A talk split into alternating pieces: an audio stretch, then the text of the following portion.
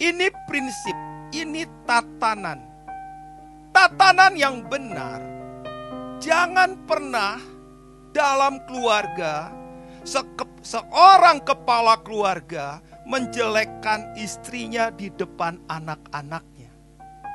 Baik di depan istri atau di belakang istri ngomong, tuh lihat mamahmu begini-begini, itu merusak tatanan.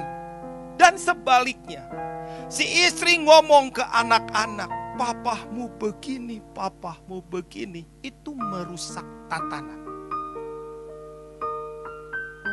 Setiap kali tatanan rusak,